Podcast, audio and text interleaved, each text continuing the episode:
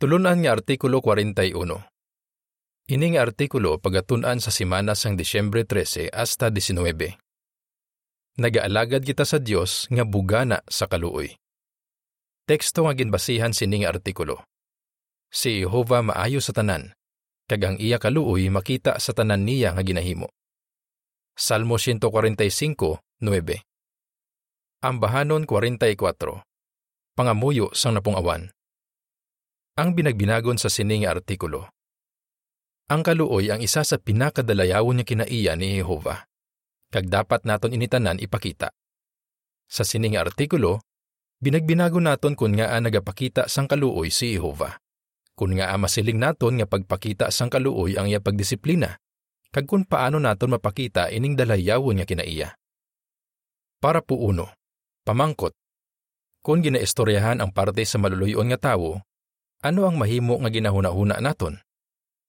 Kung ginaistoryahan ang parte sa maluluyon nga tawo, mahimo nga ginahuna-huna naton ang isa ka tawo nga maayo, mapinalanggaon, kag maalwan.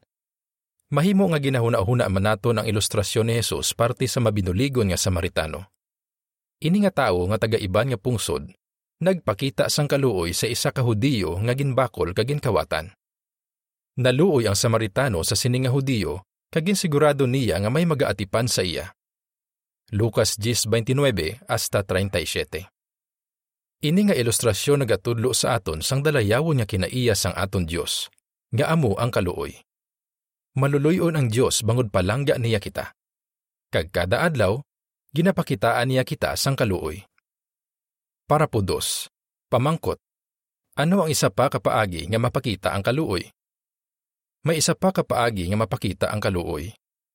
Amo ini ang hindi pagsilot sa nakasala kung may basihan nga himuon ini. Basi sa sini, masiling naton nga maluluyon gid si Jehova sa aton. Wala niya kita ginsilutan sang nagakabagay sa aton mga sala, siling sang salmista. Salmo 103, Gis. Pero may mga tion nga kinahanglan disiplinahon ni Jehova ang nakasala. Para po tres, pamangkot, ano nga mga pamangkot ang binagbinago naton? Sa sini nga artikulo, binagbinago naton ang tatlo ka pamangkot. Nga nagapakita sang kaluoy si Jehova. Pagpakita bala sang kaluoy ang pagdisfellowship? Kag anong makabulig sa aton nga mapakita ang kaluoy? Binagbinago naton kung paano ginasabat sang pulong sang Dios ini nga mga pamangkot. Kung nga nagapakita sang kaluoy si Jehova. Para po 4. Pamangkot nga ang nagapakita sang kaluoy si Jehova. Maluluyon si Jehova bangod sang iya gugma.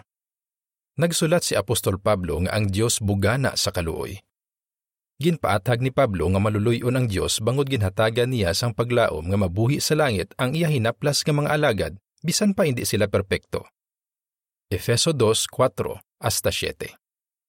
Pero hindi lang ang iya hinaplas nga mga alagad ang ginapakitaan ni Jehova sang kaluoy si Salmista David nagsulat.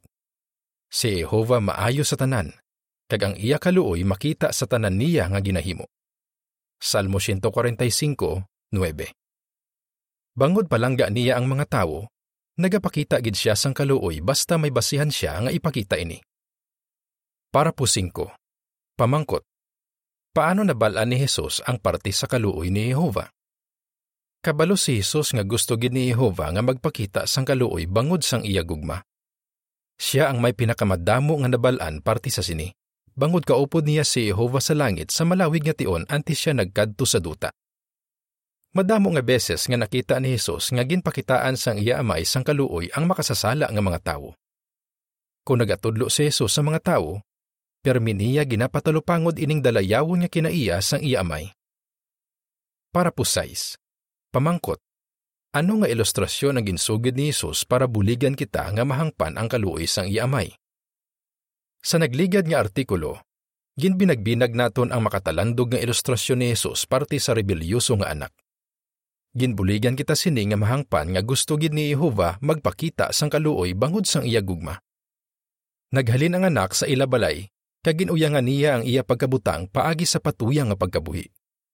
Lucas 15:13 Sang ulihi, ginhinulusulan niya ang iya imural nga pagkabuhi. Nagpaubos siya, kag nagpauli siya sa ilabalay. Ano ang reaksyon sang iya amay? Nabalan dayon sang anak kung anong ginabatyag sang iya amay. Si Jesus nagsiling.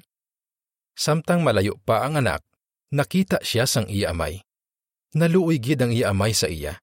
Gani nagdalagan siya kaginhakos ang iya anak kag mapinalanggaon nga ginhalukan. Wala gin pakahuyan sang amay ang iya anak. Sa baylo, naluoy siya sa iya anak. Gani ginpatawad niya siya kaginbaton siya liwat sa ila pamilya. Dako gid ang sala sang rebelyosong anak. Pero bangod naghinulsol siya, ginpatawad siya sang iya amay. Sa sini nga ilustrasyon, ang maluluyon nga amay nagapatuhoy kay Jehova. Ginpakita ni Jesus nga handa ang iya amay nga patawaron ang mga nakasala basta sincero ang ila paghinulsol. Lucas 15:17 hasta 24. Ari ang paathag sa mga picture nga gingamit para sa parapusize. Ara ang amay sa atop sang ilabalay, kag nakita niya nga nagpauli ang iya rebelyoso nga anak. Nagdali-dali siya sa pagsugata sa iya para hakson siya. Ang caption sini nga mga picture nagasiling. Wala gin pakahuyan sang amay ang iya rebelyoso nga anak. Kaginbato niya siya sa ilabalay. Para po siyete, pamangkot. Nga masaling naton nga maalam gid si Jehova sa iya pagpakita sang kaluoy Nagapakita sang kaluoy si Jehova bangod sang iya indi matupungan nga kaalam. Ang kaalam ni Jehova indi lang basta isa ka kinaiya. Sa baylo, ang Biblia nagasiling nga ang kaalam nga halin sa langit puno sang kaluoy, kag maayong mga bunga. Santiago 3:17. Pareho sa isa ka mahigugmaon nga ginikanan. Kabalo si Jehova nga para sa kaayuhan sang iya katawhan kung pakitaan niya sila sang kaluoy. Bangod sang kaluoy ni Jehova sa iya katawhan, may paglaom sila sa palaabuton bisan pa hindi sila perpekto. Gani bangod maalam gid si Jehova, pero migid siya nagapakita sang kaluoy basta may nagakaigo nga basihan. Pero kabaluman si Jehova kung saan o siya hindi dapat magpakita sang kaluoy. Bangod maalam siya, wala gid siya nagapakita sang kaluoy kung ang paghimo sini magakonsinte sa paghimo sang sala. Para po utso, pamangkot. Ano ang dapat himuon kung kaisa? Kag nga ah, Ibutang tanga ang isa kaalagad sang Dios hungod nga nagahimo sang sala. Ano ang dapat naton himuon? Gintoy tuyan ni Jehova si Pablo nga isulat kung ano ang dapat naton himuon. Nagsiling siya. Untatan ninyo ang pagpakigupod sa iya. Unang Korinto 5:11. Ginadisfellowship sa kongregasyon ang mga nakasala nga wala nagahinulsol. Dapat inihimuon para maamligan ang mga kauturan kag para mapakita naton nga ginasunod naton ang mga ginapatuman ni Jehova. Pero may iban nga nagasiling nga hindi pagpakita sang kaluoy sang Dios ang pagdisfellowship. Matuod bala ini? Tanawon naton. Pagpakita bala sang kaluoy ang pagdisfellowship? Para punoy be kag Gis. Pamangkot. Base sa Hebreo 12:5 kag 6. Nga masalig naton nga pagpakita sang kaluoy ang pagdisfellowship. Maghatag sing ilustrasyon. Kung ginpabalo sa meeting sang kongregasyon nga ang aton pinalangga hindi na isa sa mga saksi ni Jehova, nasubuan gid kita. Mahimo nagapalibog kita kun nga agin disfellowship gid ang aton pinalangga. Pagpakita gid man bala sang kaluoy ang pagdisfellowship? Oo. Kung hindi pagdisiplinahon ang isa nga nagakinahanglan sini, hindi ini maalamon, maluluyon o kung mahigugmaon. Kung i-disfellowship ang nakasala nga wala nagahinulsol, makabulig bala ini sa iya nga magbag-o Huo. Madamo nga kauturan nga nakahimo sang seryoso nga sala ang nagsiling ang pagdisfellowship sa ila amo ang nakabulig sa ila nga makamarasmas, magbag-o, kag magbalik kay Jehova. Ang Hebreo 12:5 kag 6 nagasiling. Kagin kalimtan ninyo sing bugos ang laygay nga nagatawag sa inyo nga mga anak. Anak ko, hindi pagpakadyutaya ang disiplina ni Jehova. O kung magpangampo kung ginatadlong kaniya. Kay ang ginahigugma ni Jehova ginadisiplina niya. Ang matuod, ginalapdusan niya ang kada isa nga ginabaton niya subong anak. Binagbinaga ini nga ilustrasyon. Natalupangdan sang manugbantay nga nagamasakit ang isa niya ka karnero. Kabalo ang manugbantay nga para mabulong niya ang nagamasakit nga karnero, dapat niya painon sa panong ang karnero. Pero gusto sa mga karnero nga ara sila pirmi sa panong, kag nagalalain sila kung ginapain sila. Mapintas bala ang manugbantay kay ginpain niya ang nagamasakit nga karnero? Hindi. Kabalo siya nga kung pabayaan lang niya ang nagamasakit nga karnero sa panong, malatnan gid ang iba nga karnero. Paagi sa pagpain sa nagamasakit nga karnero, ginaamligan niya ang bilog nga panong. Para po unsi, pamangkot sa A. Nga ang mapaanggid naton sa nagamasakit nga karnero ang na-disfellowship. Pamangkot sa B. Ano ang mga pwede himuon sa mga na-disfellowship kag paano sila mabuligan? Kung gindisfellowship ang isa ka utod, daw pareho siya sa nagamasakit nga karnero. Nagamasakit siya bangod na halitan ang iya kaangtanan kay Jehova. Posible nga maimpluwensyahan niya ang iban nga maghimo man sang malain, pareho sa isa ka tawo nga may balatian nga pwede makalaton sa iban. Gani may mga sitwasyon nga kinahanglan ipain sa kongregasyon o kung i-disfellowship ang nakasala. Ginapakita sini nga pagdisiplina nga palangga ni Jehova ang iya matutom nga katawhan sa kongregasyon. Kag mahimo ini makabulig sa nakasala nga makamarasmas kag maghinulsol. Pwede gihapon maka-attend sa mga meeting ang na-disfellowship. Gani makabati siya sang mga laygay halin sa Biblia kag mapabakod niya liwat ang iya pagtuo. Pwede man siya makakuha sa mga publikasyon kag makatan-aw sang JW Broadcasting. Kag kung makita sa mga gulang nga nagahimo siya sa mga pagbag-o, mahimo nila siya laygayan kung kaisa para mabuligan siya nga mangin maayo liwat ang iya kaangtanan kay Jehova kag makapanumbalik bilang saksi ni Jehova. Ang footnote nagasiling. Tanawa ang artikulo nga pabakura liwat ang imo kaangtanan kay Jehova sa sini nga isyu. Ginabinagbinag sa sini kung ano ang mga pwede himuon sa mga nakapanumbalik para mangin maayo liwat ang ila kaangtanan kay Jehova. Kag kung paano sila mabuligan sa mga gulang. Balik sa parapo. Ang kapsyon sa picture nagasiling. May mga tion nga dapat painon ang nagamasakit nga karnero. Pero padayon ini nga ginaatipan sang manugbantay. Para po 12. Pamangkot. Ano ang mahigugmaon kag maluluyon nga paagi nga pwede himuon sa mga gulang para sa nakasala nga wala nagahinulsol. Dapat naton tandaan nga ang mga ginadisfellowship lang amo ang mga nakasala nga wala nagahinulsol. Kabalo ang mga gulang nga seryoso gid ini nga desisyon. Gani ginabinagbinag ginila ini sing maayo. Kabalo sila nga nagadisiplina si Jehova sa nagakaigo nga paagi. Jeremias 30:11. Palangga nila ang ilang mga kauturan, kag hindi nila gusto nga mahalitan ang kaangtanan sang ilang mga kauturan kay Jehova. Pero kung kaisa, kinahanglan i-disfellowship ang nakasala para mapakita ang gugma kag kaluoy. Para po 13, pamangkot. Nga dapat i-disfellowship ang isa ka utod sa Korinto.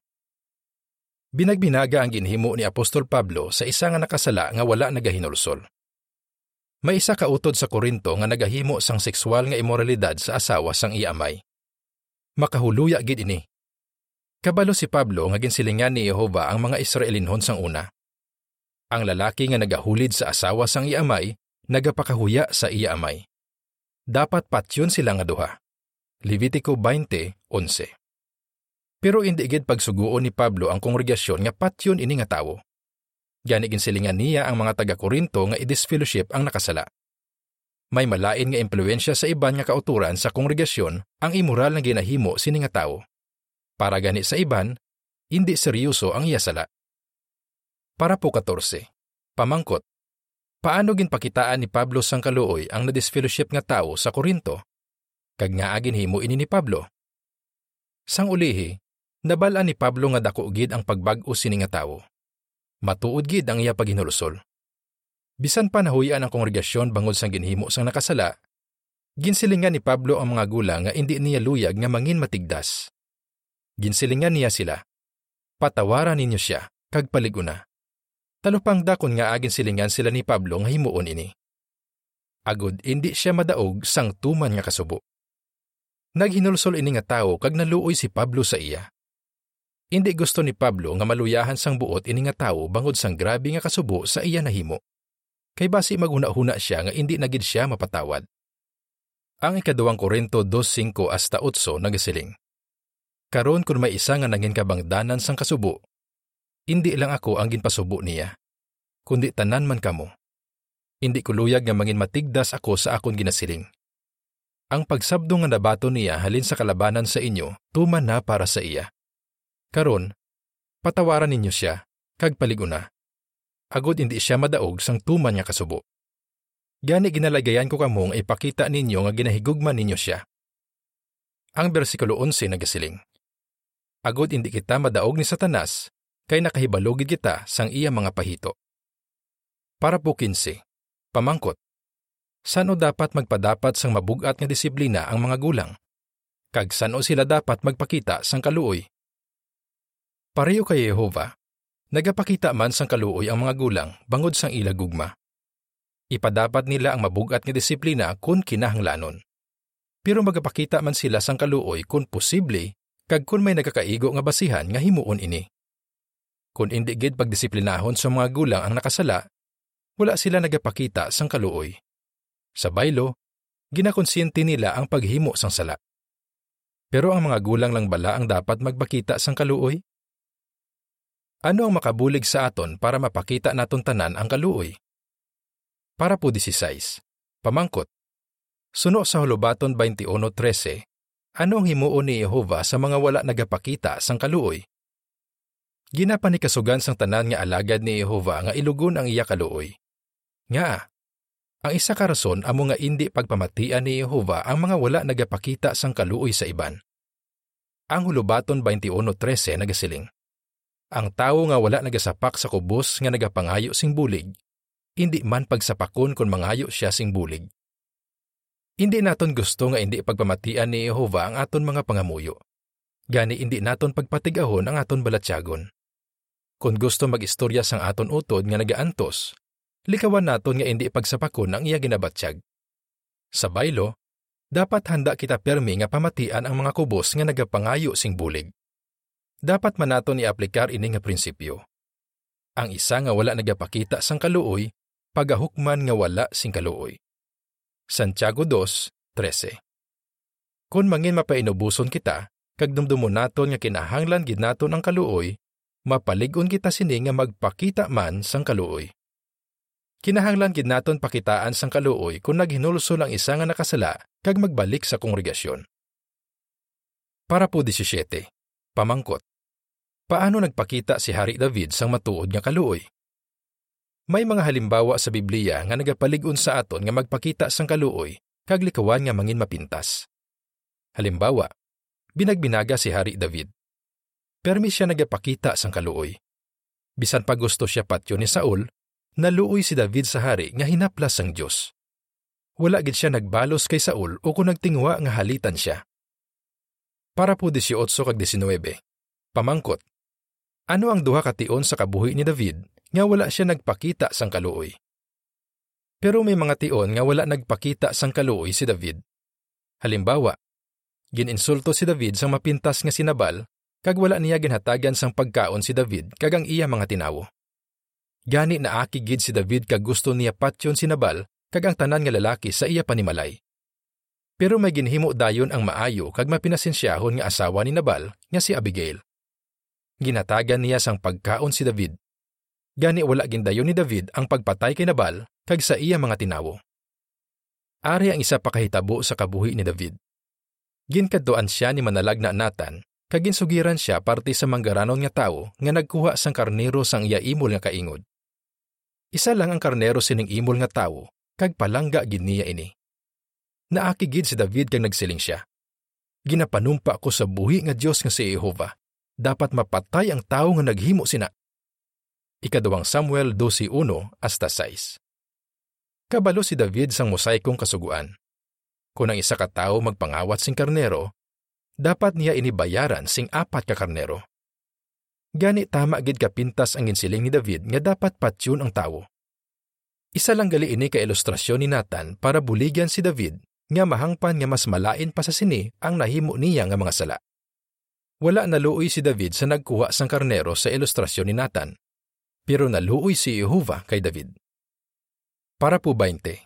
Pamangkot. Ano ang matunan naton kay David? Sang grabe gid ang kaakig ni David. Nagdesisyon siya nga patyon si Nabal kag ang tanan niya nga tinawo. Kag sang ulihi, nagsiling si David nga dapat patyon ang manggaranon nga tawo sa ilustrasyon ni Nathan bangod sang iya ginhimo. Pero isa ka maayo nga tawo si David. Gani nga nagsiling siya nga dapat gid patyon ang tawo nga nagkuha sang karnero. Binagbinago naton kung ano ang natabo antes sini, kag kung ano ang ginabatsyag ni David sadto. Ginakonsensya sadto si David.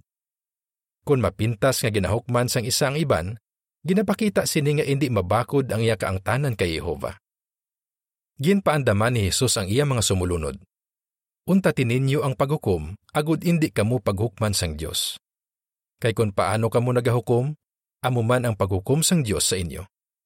Mateo 7:1 kag 2. Gani likawan gid naton nga mangin mapintas.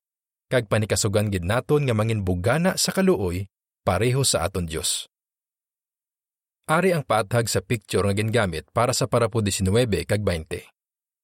Bangod ginakonsensya si Hari David, naakigid siya sang mabatian niya ang ilustrasyon ni Nathan kay nagsiling siya nga dapat patyon ang manggaranon nga tawo. Ang caption sini nga picture nagasiling, wala gin pakitaan ni Hari David sang kaluoy ang tawo sa ilustrasyon ni Nathan. Para po 21 kag 22. Pamangkot. Ano ang pila ka paagi nga makapakita kita sang kaluoy? Ang kaluoy hindi lang isa ka balatsyagon. May ginahimo gid ang maluluyon nga tao para buligan ang iban. Panilagan naton kung sino sa aton pamilya, kongregasyon, o kung sa aton lugar ang nagakinahanglan sang bulig. Kung himuon naton ini, Madamo gid kita sang makita nga kahigayunan nga mapakita ang kaluoy. May kinahanglan bala nga paumpawan? Pwede bala kita makadala sang pagkaon o kung makabulig sa mga nagakinahanglan? May nakapanumbalik bala sa inyo kongregasyon nga nagakinahanglan sang abyan nga magapalig-on sa iya? Masugid bala naton sa iban ang makapaumpaw nga maayong balita.